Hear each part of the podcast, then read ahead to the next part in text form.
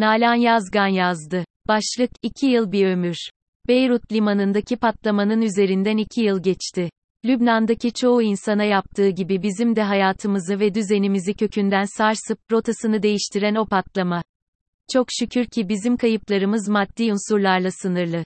Ne yazık ki herkes o kadar şanslı değildi. Arkadaşımız Sarah'ın oğlu İzek, patlamada hayatını kaybettiğinde 2 yaşındaydı. Bu dünyada geçirdiği zamanı ikiye katlamış olacaktı eğer yanlış zamanda yanlış yerde olmasaydı.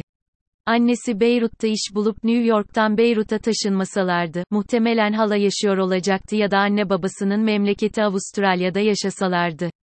Isain hayatını kaybettiğini annesinden önce ortak WhatsApp grubumuzdan öğrenmiş olmanın acısını unutabilmiş değilim bu geçen iki senede. Çocuğuyla aynı hastanede ameliyatta olan anneye yoğun bakımdan çıkıp durumu stabil hale geldikten sonra eşi ve psikolog eşliğinde acı haber verildi. Bizden de o zamana kadar bu sırrı taşımamız istendi.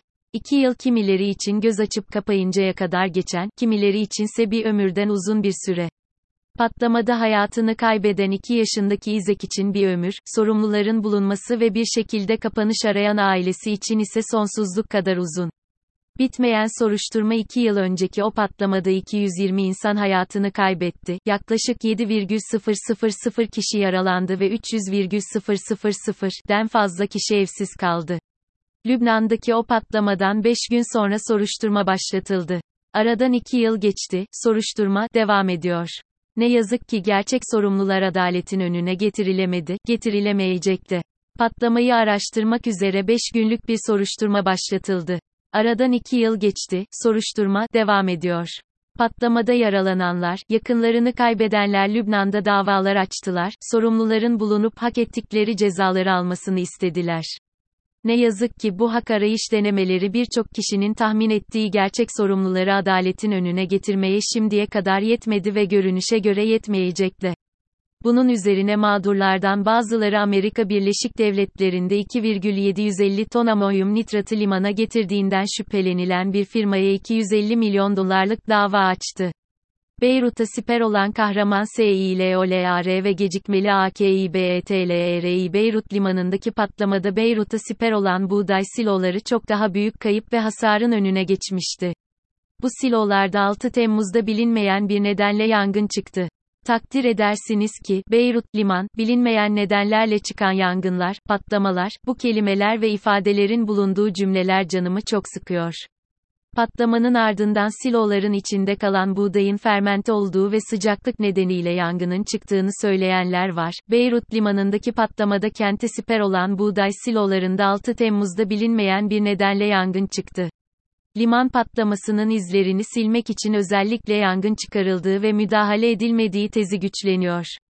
ABD'de açılan davadan korkulması ve patlamanın tanık ve potansiyel delilleriyle saklı olan siloların ortadan kaldırılmak istenmesi nedeniyle özellikle yangının çıkarıldığını düşünenler var. Beyrut'taki patlamanın izini ve hatırasını silmek için yine yangının özellikle çıkarıldığını dile getirenler de var. Nisan ayında siloların yıkılmasına karar verilmişti ancak patlamada yakınlarını kaybedenler ve muhalefet bu karara karşı çıktı ve siloları Beyrut limanı patlaması anıt olarak korunmasını talep ettiler. Nükseden travma 6 Temmuz'da başlayan yangına siloların yıkılma tehlikesinden dolayı itfaiye müdahale etmedi. Ordunun, helikopter ile söndürme çalışmaları ise sonuç vermeyince durduruldu. Devletin ihmalkarlığı ve halkın tepkisizliği devam etti. Bu da liman patlamasının izlerini silmek için özellikle yangın çıkarıldığı ve müdahale edilmediği tezini güçlendirdi. Önceki yıl, en az bu yaz kadar sıcak geçen yazı siloların sağ salim atlatmış olması da bu tezi destekler nitelikte. Beyrut limanındaki buğday silolarındaki yangın ve söndürme girişimleri sonucunda çökme ihtimalini öngören Lübnan Çevre ve Halk Sağlığı Bakanlığı açıklama yaparak alınması gereken tedbirleri sıraladı. N95 maske takın, pencere ve balkon kapılarınızı kapalı tutun gibi önlemleri insanlar fazla önemsemedi. Mağdur olup olup küllerinden doğmaya alışmış olan Lübnanlılar silolar yanarken haftalar boyu çıkan dumanı izledi. 6 Temmuz'da başlayan yangın söndürülmediği için 31 Temmuz'da siloların bir kısmı çöktü.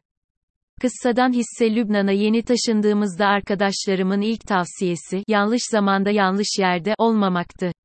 Araba bombası ile bir politikacı ya da aktiviste düzenlenen suikast esnasında olay yerine yakın olmamak gerekiyordu. Çıkan bir çatışmanın ortasında kalmamak, omuz üstü roket atarlardan korunmak için alçak katlarda oturmamak gibi. Dolayısıyla sokaklarda olmasa da Beyrut'taki evimde kendimi hep güvende ve korunaklı hissettim. 5 metre yüksekliğindeki tavana uzanan pencerelerimizden Akdeniz'i izlerken huzurlu ve mutluydum. 2 yıl önce, 4 Ağustos 2020'de, arkadaşımız evinin mutfağında mama sandalyesindeki bebeğine akşam yemeği yedirirken patlamanın etkisiyle penceredeki camlar vücutlarına saplanana kadar. Fark ettim ki Lübnan'da insanlar hiçbir yerde, evlerinde dahi, doğru, yerde değil.